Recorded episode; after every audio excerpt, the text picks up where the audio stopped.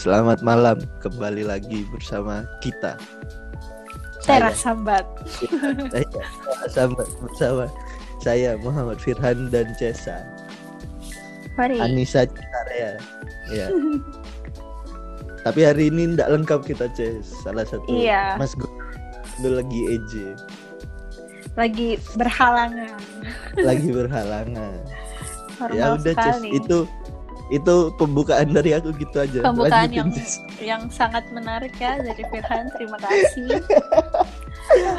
ya langsung aja lah guys ya sesuai judul kita hari ini bakal bahas topik yang kayaknya sempat booming banget ya kak ya kak Firhan yaitu Ah, gaslighting Nah, ini termasuk toxic dalamnya toxic relationship lah ya. Salah satu bentuk apa bukan sih? Apa gimana Em, mungkin kita jelasin definisinya dulu deh supaya apa sih tiba-tiba Definisi. langsung ya kan ya dari kamu deh Han eh, Dari punya definisi sendiri nggak sih tentang gaslighting ini Aku itu jujur awalnya itu nggak tahu sebenarnya gaslighting Mm-mm. itu apa. Dulu dulu aku menemui orang yang ternyata mengalami hal itu.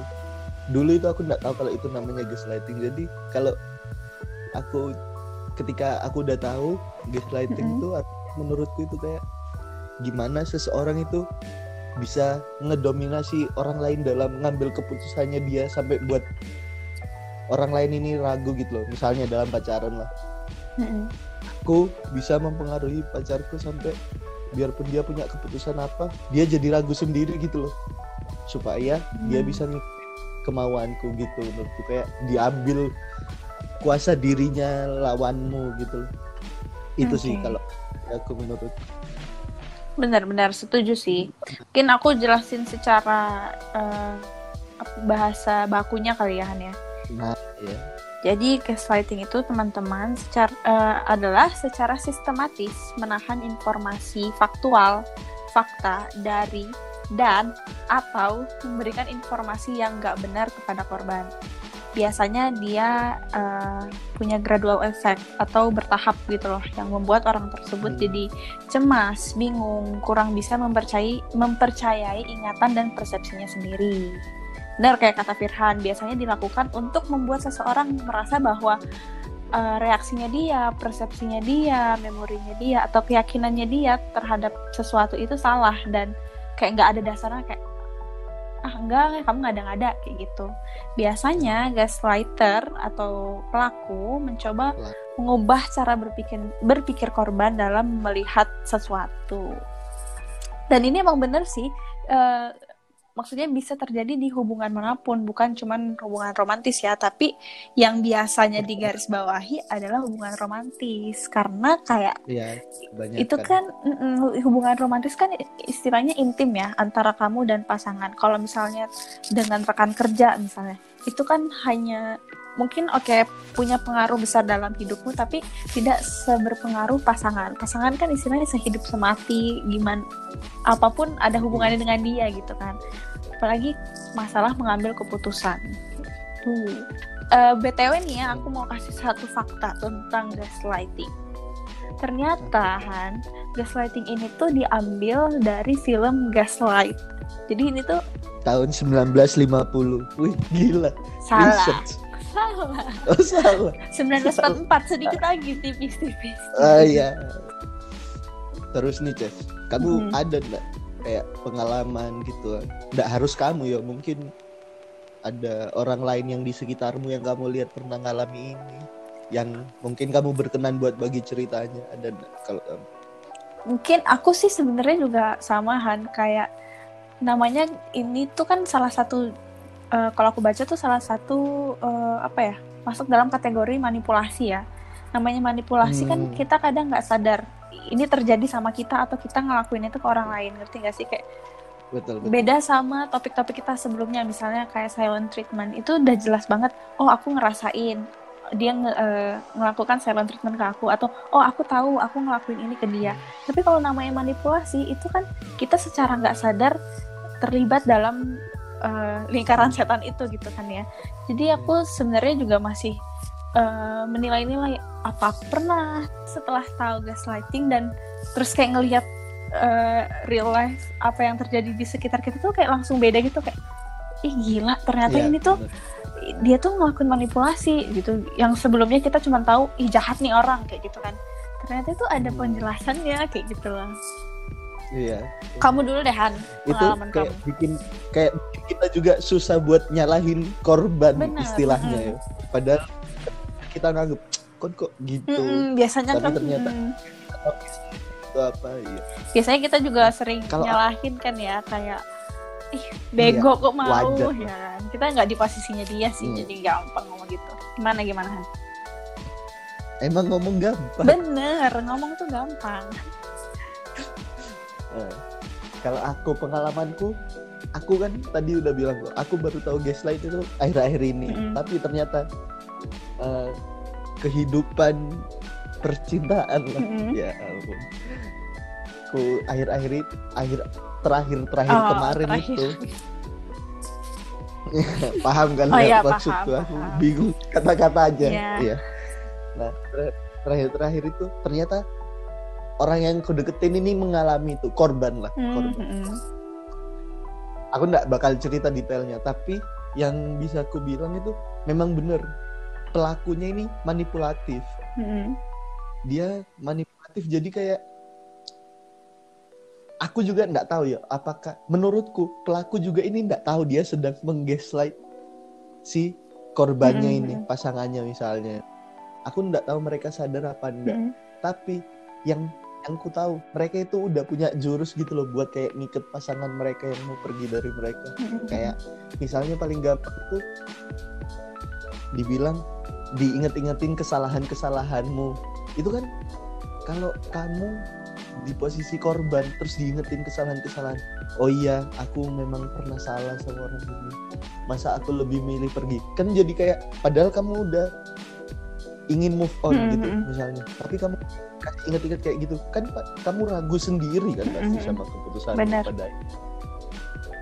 nah terus orang-orang ini juga biasanya biasanya itu sebelumnya itu dengan eh, kemampuan manipulatifnya yang aku juga nggak tahu ya mereka sadar apa enggak Mhm. ketika melakukan itu eh, apa membuat pelaku kayak membuat korban jadi sangat tergantung sama pelaku gitu loh. Pasti ada kata-kata nggak ada yang bisa ngerti kamu selain aku kayak gitu. Hmm, bener mereka biarpun dia itu bakal gitu biarpun itu ke teman-teman deketmu Hmm. misalnya de- teman-teman deket korban teman-temanmu itu nggak ngerti aku nggak ngerti kamu kayak aku kayak aku nggak bisa menerima kamu kayak aku menerima kamu bakal di bakal dikasih kata-kata itu memang kelihatannya kalau kita ya sebagai orang luar yang nggak mengalami itu apa sih kok bodoh banget mau digituin Mm-mm.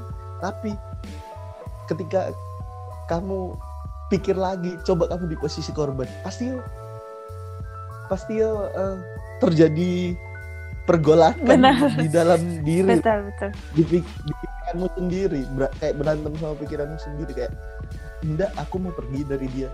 Tapi iya sih dia yang pernah nerima jelekku. Mhm. orang-orang ini kita yang nerima jelekku. Kayak kamu dibikin ragu. Biarpun itu sama teman-teman deketmu sendiri.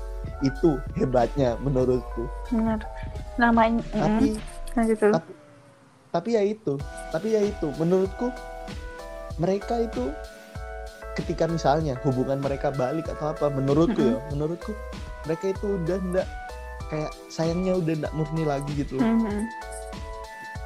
Kayak udah karena ditutupi rasa bersalah dan lain hal karena jurusnya mereka karena kan takut pasti nggak kayak gitu dapat hal yang eh, kesalahan kesalahan. takut nggak Ah, ah. orang yang bisa nerima dia Betul. lagi gitu ya betul di selalu diteken di situ dibilang yang bisa nerima kamu kayak gini itu cuma aku mesti jurusnya itu yang kayak kayak gitu bener bener bener Nah. bener karena karena mereka udah punya jurus mereka itu nggak takut kalau misalnya pasangannya ini yang udah dijadiin korban bakal ngelakuin selingkuh lagi Hmm. atau ingin pergi dari mereka lagi mereka nggak takut karena mereka udah tahu caranya buat nahan si pasangannya ini Hmm. supaya nggak pergi dari dia dengan cara jurus-jurusnya itu tadi lah Mhm.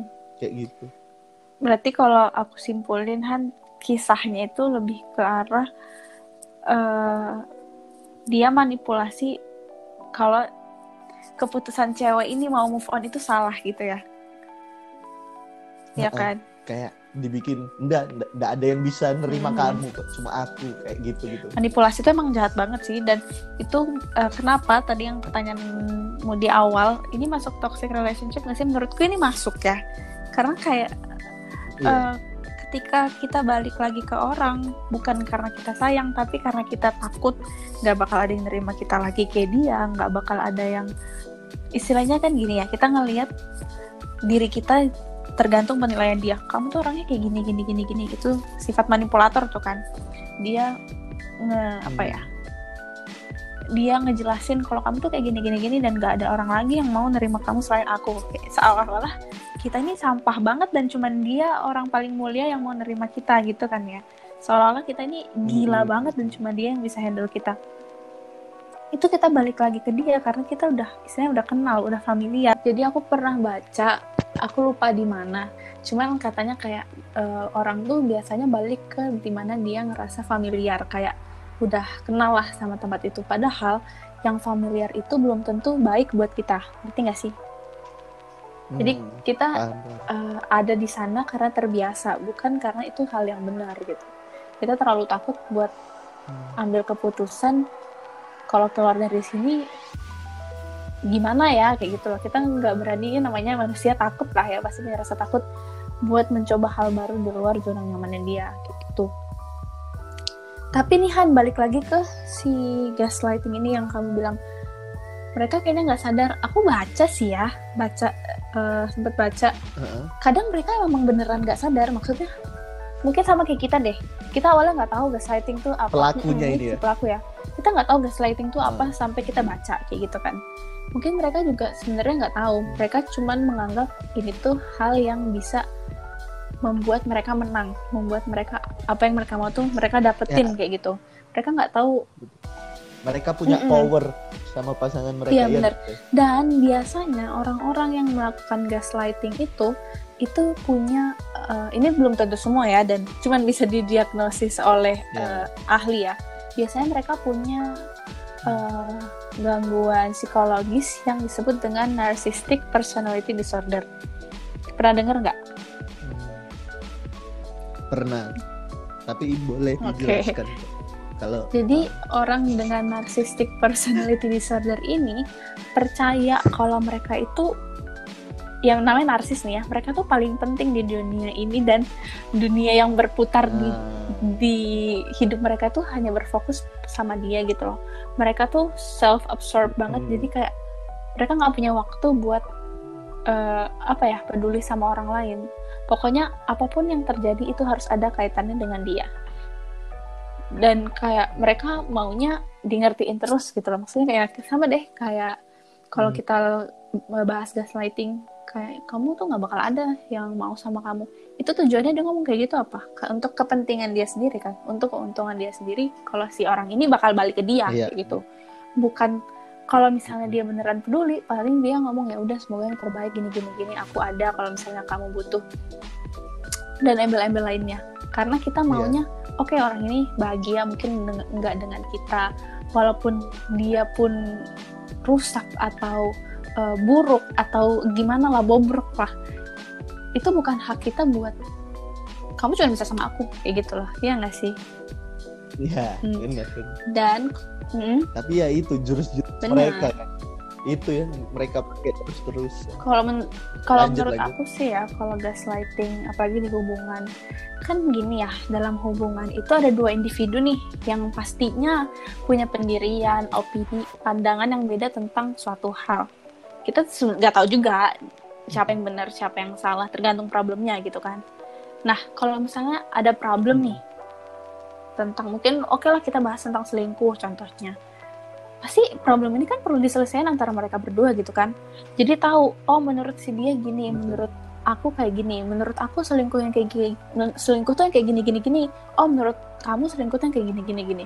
Jadi kita tahu dulu persepsi dia gimana persepsi aku gimana. Jangan sampai ketika kita bahas suatu masalah buat kita penting buat mereka nggak penting. Ngerti nggak sih?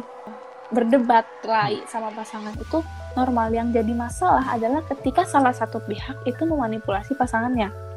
Simpelnya kayak gini ini pengalaman aku ya tapi nggak perlu aku sebut deh ya. Iya, jadi iya. aku merasa gini. Iya iya. Eh, aku tuh memang aku merasa bahwa aku adalah tipe orang yang eh, cukup boros gitu kan. Dalam misalnya eh, beli skincare gitu. Kan aspek shopping banyak banget nih ya kak ya. Ada yang boros jajan ada yang borosnya beli baju ada yang borosnya nongkrong atau beli rokok. Nah kalau aku nih aku merasa Hmm. tuh borosnya misalnya di beli beli skincare gitu kan ya. Nah terus eh, pasangan Hmm. aku melihat ini tuh sebuah masalah gitu loh kayak niatnya baik niatnya baik kayak ngomong kamu tuh jangan boros-boros. Nanti kalau misalnya eh, kita nggak pernah tahu gimana rezeki bla bla bla bla bla. Ngerti nggak sih? Kayak ngomong Ya. kita intinya kayak kita nggak tahu lah ini duit sampai kapan sih kamu jangan terlalu boros deh sama eh, skincare skincare kamu gitu. Mhm. nah sementara aku nggak menganggap itu sebuah masalah. Oke itu adalah hal yang buruk. Nggak buruk juga sih. Bisa dikurangi gitu. Tapi aku nggak merasa itu sebuah masalah karena aku Iya. mampu. Ngerti kan ya walaupun misalnya Ya, nih aku harus eh, tahan jajan kayak gitu. Tapi aku mampu maksudnya aku nggak sampai yang minjem sana sini atau nyolong atau gimana gitu kan. Iya, Nah, memaksakan keadaan. Awalnya ketika dibahas itu eh, mungkin kayak apa ya oh ya udah deh ini cuman teguran gitu kan. Supaya ya namanya orang kalau ngelihat sesuatu yang berlebihan ditegur oke nggak masalah. Tapi yang menjadi masalah ketika dia berusaha mengubah mindset aku yang itu tuh bukan masalah yang menurut aku itu bukan masalah jadi masalah gitu ngerti kan ya masalah. dengan tujuannya apa Eh, Hmm. karena misalnya nih namanya orang pasangan pasti mikirnya kan ya ke depan gitu kan ya nah ternyata di Iya, balik wajar. eh, kritikan dia itu ada ketakutan dia nggak bisa memenuhi apa yang biasanya aku lakukan kenapa mencoba me- merubah mindset orang tentang sesuatu kalau misalnya dia itu bukan masalah buat dia gitu loh. Kalau misalnya itu masalah buat kamu mending kamu ngomong daripada kamu berusaha mengontrol orang lain dengan cara seperti itu. Dengan cara membuat kita menjadi bersalah. Mending kan belak-belakan Hmm. iya. Ntar kalau kalau kamu boros kayak gini ntar gimana susah loh kalau misalnya gini gini gini. Itu daripada kayak oh ya udah. Tapi kan kita nggak tahu rezeki sampai kapan gini gini itu kan lebih kayak membuat apa ya mental gitu tuh kayak oh iya ya kayak langsung mikir gimana kalau misalnya tiba-tiba dunia ini kan jadi kayak gitu. Mending belak-belakan ngomong supaya kita sama-sama clear. Oh problemnya di kamu adalah kayak gini problemnya di aku adalah kayak gini. Kayak gitu loh. Dan Hmm, kalau misalnya itu eh, nggak bisa diselesaikan ya udah berarti tergantung kalian lagi mau lanjut apa enggak gitu jangan sampai kalian orang lain menjadi apa yang kalian pengen supaya kalian diuntungkan kayak gitu loh kalau kalau misalnya kalian memang merasa dirugikan ngomong ya kan menurutku ya Ces ini aku nggak tahu ya sesuai konteks Mm-mm. sama gaslighting apa enggak tapi aku bahas yang itu kalau suatu pasangan Mm. punya masalah gitu loh Maksudnya gimana mereka harus menghadapi masalah gitu loh ini ini Mm. sesuai pikiranku aja ya jadi aku ya sok tahu juga aku ngomong. jadi kebanyakan ya, permulaan masalah yang akan terulang dalam suatu hubungan terus tidak selesai-selesai itu kalau misalnya ada satu masalah di awal terus mereka itu carinya Hmm. siapa yang salah siapa yang benar bukan nyari di Hmm. mana masalah intinya terus mereka itu nggak cari di situ. Banyak mereka yang memang tuh kalau Hmm, kita lagi lagi pan- saling marah pasti ego ego. Hmm. Heeh, ego kita kan naik tuh. Kita Hmm. pengennya kita yang benar padahal kalau pikir lagi waktu kamu berantem yang dicari itu harusnya bukan benar atau salahnya. Mm. siapa yang benar siapa yang salah. Tapi dicari. Apa Benar. sih yang kamu permasalahin? Terus ya di diomong ini tuh yang itu. Soalnya kalau kamu cuma cari benar atau salah siapa yang benar siapa yang salah itu menurutku awal-awal salah satu pasangan bakal jadi ngerasa Benar, lebih benar. dominan gitu loh. Benar. paham nggak Ces? Maksudku. Nah itu. Maksudku kayak gitu. Soalnya banyak di sekitarku yang kayak udahlah ya ndak apa-apa lah aku yang minta maaf yang penting ndak berantem lagi. Nah itu menurutku salah sih me- menurutku. Benar. Soalnya itu ndak nyelesain. Itu cuma nyari Cuman siapa yang salah waktu. siapa yang benar Pak. Mm. bukan nyari masalahnya Heeh. mas padahal masalah yang sama itu bakal lanjut lagi kalau memang tidak dicari inti Benar, masalahnya itu di mana kan- menurutku loh ya. Aku Oh, duduk, tahu, aku kan jomblo, sama aku kok kak tahu. sama Ya. kita juga sama-sama jomblo ini bener sih aku setuju kadang gini eh, kayak quotes quotes tuh itu tuh eh, you and I versus the problem gitu kan bukan me versus you ngerti gak sih jadi kita versus Oh, masalahnya iya, bukan paham. aku versus kamu kayak gitu Mm-mm. tapi sebenarnya memang kamu. kadang kan ya dalam suatu masalah itu memang ada salah satu pihak yang benar gitu kan kita nggak bisa pungkirin ada salah satu pihak yang benar Iya. gimana kuncinya biar Iya. kita nih jalan ya kita berani ngaku kalau kita salah koreksi diri pasangan pun demikian. Nah. kalau misalnya dia salah dia harus ngaku kalau dia salah. Yang jadi masalah adalah ketika salah satu Hmm. pihak itu balik lagi sebenarnya nyambung. Salah satu pihak memanipulasi pasangannya ngedoktrin enggak kamu salah aku benar. Hmm. supaya dia ngubah kita jadi apa yang dia mau gitu. Karena kan balik lagi ya kayak yang aku bilang kadang yang kita ngerasa itu problem buat orang lain itu bukan problem. Aku melihat ini sebuah masalah tapi pasanganku nggak melihat Ya. ini jadi sebuah masalah gitu kan. Nah itu kan jadi masalah tetap gitu. Mm-mm. karena ada perbedaan pendapat. Apalagi mungkin hal-hal yang krusial misalnya kayak eh, apa ya punya anak kayak atau tentang eh, finansial segala macam itu pasti akan diributkan dipermasalahkan gitu kan. Ya nggak apa-apa. Itu memang bag- bagusnya memang Iya. dipermasalahkan daripada diulur-ulur-ulur. Ya udah deh aku minta maaf aku minta maaf ter di akhir meledak gitu kan tapi yang kita perlu eh, awasi nih menurutku ya kalian harus punya pendirian sendiri gitu. Kayak misalnya kalau menurut kalian benar secara logika itu benar dan pasangan kalian ngerasa itu salah dan dia berusaha ngubah kalian supaya jadi apa yang dia mau itu udah warning banget gitu loh. Ngerti gak sih? Kayak aku bingung sih ngasih contohnya gimana. Cuman kadang kan kita punya intuisi ya punya kayak hati kecil gitu yang ngomong angga ini benar Mm-mm, angga ini salah kayak Rasa. gitu. Kita harus punya pendirian. Jangan sampai kita kebanyakan koreksi diri kita jadi berubah jadi apa yang bukan diri kita ngerti gak sih? Kayak kita oke koreksi diri itu perlu koreksi diri itu Betul. penting. Tapi kita juga harus punya pendirian. Aku ini orangnya seperti apa sih? Kayak gitu loh. Aku ini orangnya setuju sama yang mana setuju sama yang nggak gimana kayak gitu. Contohnya agama deh. Oke eh, aku tidak setuju dengan LGBT misalnya. Karena itu menantang agamaku. Terus orang lain eh, punya pendapat yang berbeda mungkin. Enggak dong gini gini gini. Kan LGBT itu cuman eh, kayak gini gini gini gini. Nah koreksi diri. Oh mungkin aku salah kalau misalnya aku sampai ngehina-hina mereka. Itu koreksi diri namanya kan. Tapi aku tetap nggak setuju. Ya terserah mereka mau ngapain. Hmm. tapi aku udah oh aku stop deh ngehina-hina mereka ngejelek-jelekin mereka kayak gitu karena koreksi diri juga pasti ujungnya eh, adalah perubahan dari sikap kita gitu kan sekali kita koreksi diri oh gini aku yang Mm-mm. salah gini gini gini aku salah di sini sini itu pasti diikuti dengan perubahan sikap yang jadi eh, problem ketika kita udah nggak tahu kita ini siapa sih pendirian kita ini seperti apa gitu loh karena kebanyakan koreksi diri kebanyakan dengar cerita orang lain itu pentingnya kenapa kita eh, harus punya pendirian sendiri gitu loh bukannya jadi egois ya kalau misalnya berpasangan Iya. terus nggak mau ngalah cuman kita juga harus maksudnya kita berdebat juga harus pakai otak gitu loh. Ini ini menurut dia salah yang diuntungkan siapa gitu. Kalau misalnya dia ngomong ngekritik kita ayo coba dong kamu berubah gini gini gini itu yang diuntungkan kita sendiri atau mungkin eh, lingkungan kita keluarga misalnya. Itu bisa dipertimbangkan. Tapi kalau misalnya itu menguntungkannya hanya dia nah itu yang perlu kalian cross check gitu Mm-mm.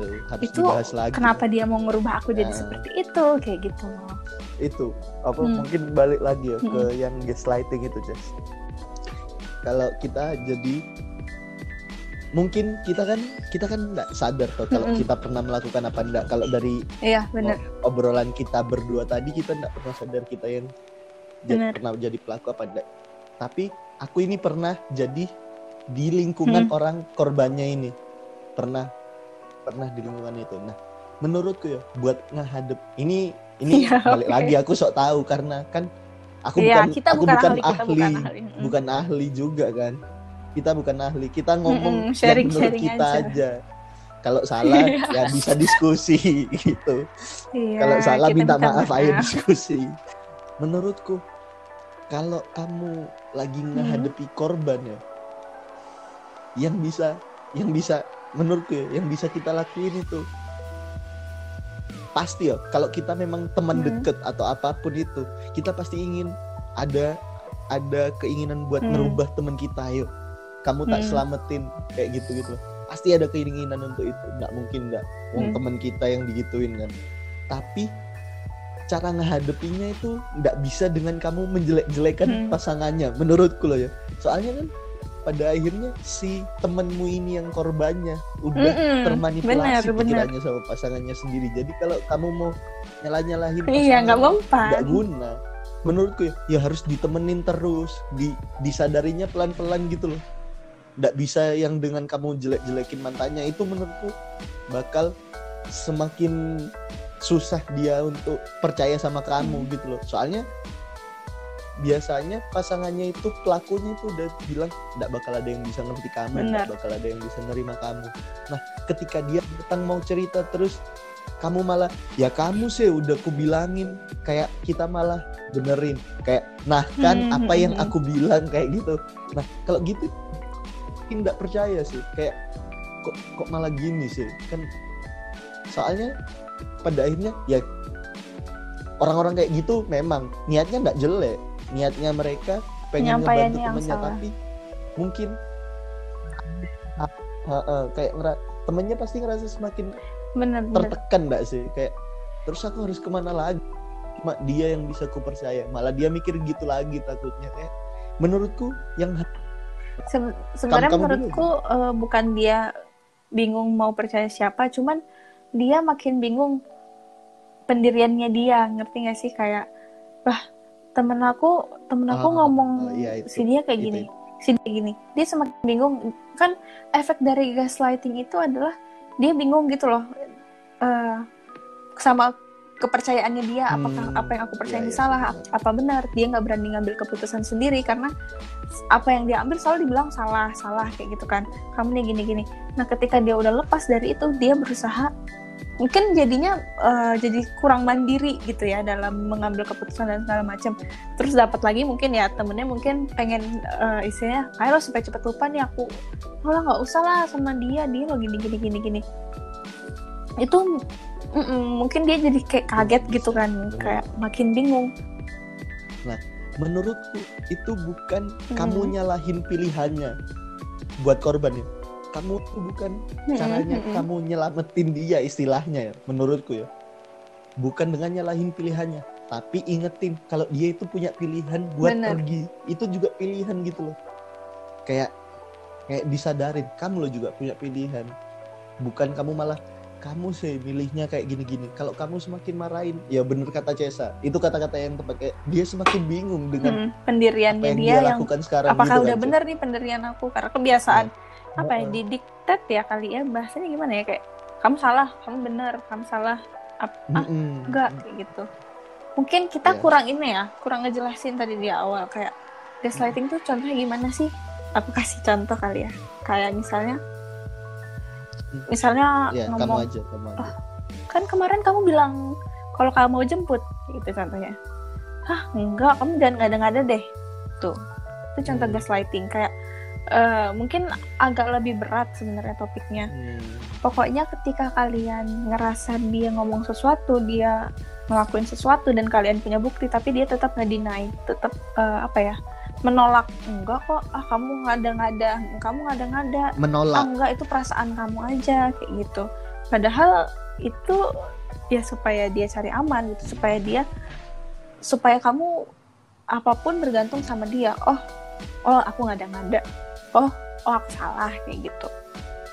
Itu kenapa efeknya ke kita yang nggak punya pendirian gitu lah istilahnya kayak apa-apa mau ngambil keputusan takut salah ngerasa kayak eh misalnya aku ngerasa sedih nih dia marahin aku ntar takutnya mikir apa aku yang terlalu sensitif apa aku overthinking kayak gitu. Karena ketika kita ngomong Hmm. aku ngerasa kayak gini-gini aku nggak suka kalau kamu gini-gini dibilangin alah lebay kamu kamu ah ngada-ngada aja kayak gitu-gitu guys sangat betul Mm-mm. kayak dibikin bener-bener bingung eh Mm-mm. iya ya apa bener kayak gitu ya kayak gitu kan bangsat Astagfirullah.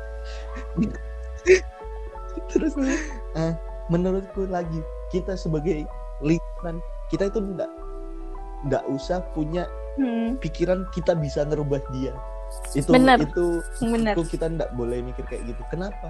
Pada pada akhir pada akhirnya yang bisa betul. keadaan ini ya cuma dia sebagai korban.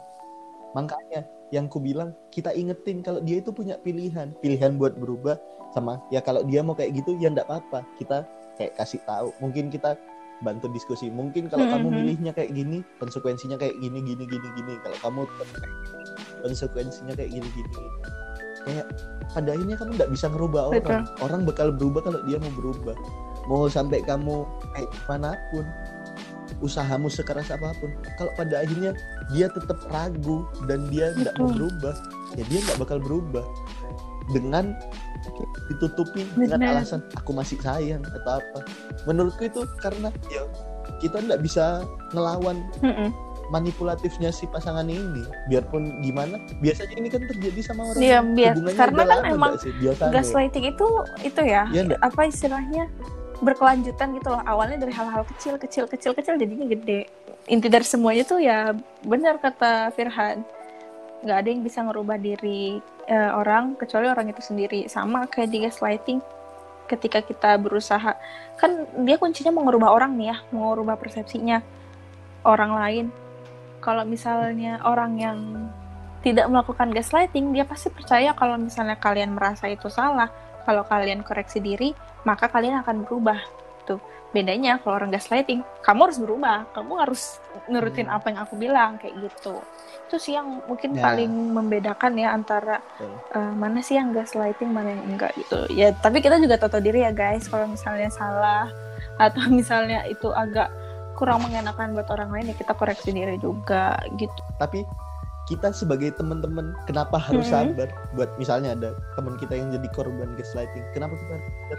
Ya kita juga harus mengiyakan kalau waktu kita Betul kita sekali, tuh menjadi sangat bodoh. Itu harus benar. diakuin mbak Ya, kita Istilahnya, otak sama hati nggak sinkron gitu kan ya. Otak mikirnya enggak kayak gini tapi hati ya gimana sih guys? Kalian Bener. pasti pernah lah ya ngerasa sayang sama orang. Saking sayangnya Iya. tuh mau walaupun udah toksik tetap aja tuh dilanjutin gitu Bener. kan ya oke mungkin kita Eh, lanjut, Om, kasih lanjut, sedikit tips buat maksudnya supaya kita terhindar atau jangan sampai atau mungkin lagi berada terus pengen keluar dari posisi di gaslight itu gimana sih? Kalau menurut aku nih ya nanti kalian tambahin ya Hmm, Eh, percaya sama pendirian kalian. Percaya sama eh, apa yang kalian percayai gitu. Ketika kalian berhadapan sama suatu masalah kalian pasti punya pendirian. Cross check pendirian kalian benar nggak? Menguntungkan siapa? Merugikan siapa? Kalau misalnya mereka merasa itu merugikan mereka cross check lagi merugikannya dalam hal apa pokoknya percaya dulu sama pendirian kalian. Jangan sampai kalian nggak punya pendirian. Hmm. karena ketika kalian nggak punya pendirian itulah yang paling mudah dimasukin kayak gitu. Ya itu aku setuju. Tapi ya pada akhirnya maksudnya kenapa aku tadi bilang waktu kita berhubungan sama perasaan kita bodoh? Soalnya itu banyak orang yang masih denial gitu loh. Kalau mereka itu sering bodoh waktu dalam berhubungan. Padahal itu hal yang wajar gitu loh hal yang wajar memang kita bodoh pasti benar hati hati dulu mau baru mau otak bareng pasti pun ya gitu kan padahal mau bareng pun tetap selaras, tak- mm, susah banget Ih susah. Ketika kita udah sadar hal itu, menurutku itu bakal lebih mudah buat memikirkan pendirian kita. Terus jangan jangan Hmm. takut buat kayak diskusi gitu loh. Biarpun agak berantem berantem Hmm, dikit bener. itu mungkin konsekuensinya tuh. Kalau kelihatan kelihatan lah waktu salah satu dari pasangan gitu mencoba untuk menghindari diskusi itu udah kelihatan ada sesuatu yang salah dan ya kalau kalian mengiyakan itu hilang menurutku masalah yang sama bakal datang lagi. Jadi ya aku setuju sama kamu dan menurutku iya harus benar. sadar kita memang bodoh ketika berhubungan dengan perasaan harus kita Betul. dulu baru kita bisa kayak Hmm. mikir jernih. Paling penting gitu, memang pakai ya. otak sedikit ya guys. Walaupun kalian lagi jatuh cinta banget pakai otak sedikit. Apalagi hal-hal yang kayak gini gitu kan. Maksudnya kayak eh, gimana ya? Ya ya walaupun kalian pasti jadi bego aku Firhan juga pasti pernah ngerasain bego karena cinta. Tapi kalau misalnya kalian ngerasa udah aneh ngerasa nggak nyaman ngerasa ya something off lah gitu ayo otaknya dipakai sedikit gitu kan ya. Apa sih yang salah dari hubungan? Mm. siapa Iya. tahu kalian yang ngegaslight Sadar, orang lain gitu sadar. kan kita juga nggak tahu gitu. Kita itu jangan selalu di pikiran kita. Jangan selalu kalau ada masalah. Mm-mm. memang kita bener harus punya pendirian tapi itu tidak membuat kita Bener, langsung menganggap pasangan kita yang salah gitu loh. Paham nggak apa tahu Bener. apa tahu kita yang ngelakuin kesalahan tapi kita tidak Mm-mm. sadar makanya itu harus kayak diskusi jadi gitu, apa terbuka. tiga ya punya pendirian pakai ya otak dan sering-sering diskusi gitu ya. Memang kunci dari hubungan yang baik adalah tiga itu. pakai otak. Nggak. nggak apa-apa goblok-goblok dikit wajar pasti goblok kalau masalah perasaan Oke, Iya, teman-teman, jadi seperti itu ya mungkin gambaran tentang gaslighting. Contohnya seperti apa, definisinya seperti apa, apa yang kalian harus lakukan ketika bertemu dengan korban atau apa yang bisa kalian lakukan ketika kalian berada di posisi eh, korban maupun pelaku. apa Ah, Iya, kita ini Hmm. ngomong setahu kita ya bukan kita iya. kita ahli jadi kita memang sok tahu dan kita masih belajar jadi kalau menurut Mm-mm. kalian ada yang Kita sangat salah, terbuka bisa untuk diskusi. bisa salah menurutku kayak gini-gini Ah, iya bisa Bisa Bisa. DM Firhan yang khusus cewek ya Han ya? Kalau cowok, Bisa. cowok juga boleh lah ya. yang Oh. Tapi diprioritaskan apa-apa. untuk yang eh, perempuan langsung aja ke Firhan.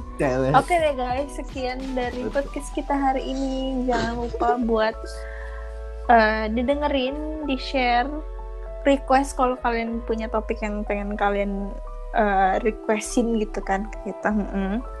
Ke email kita, nanti kita tulis di description box. Dah sekian, assalamualaikum warahmatullahi wabarakatuh. Hmm.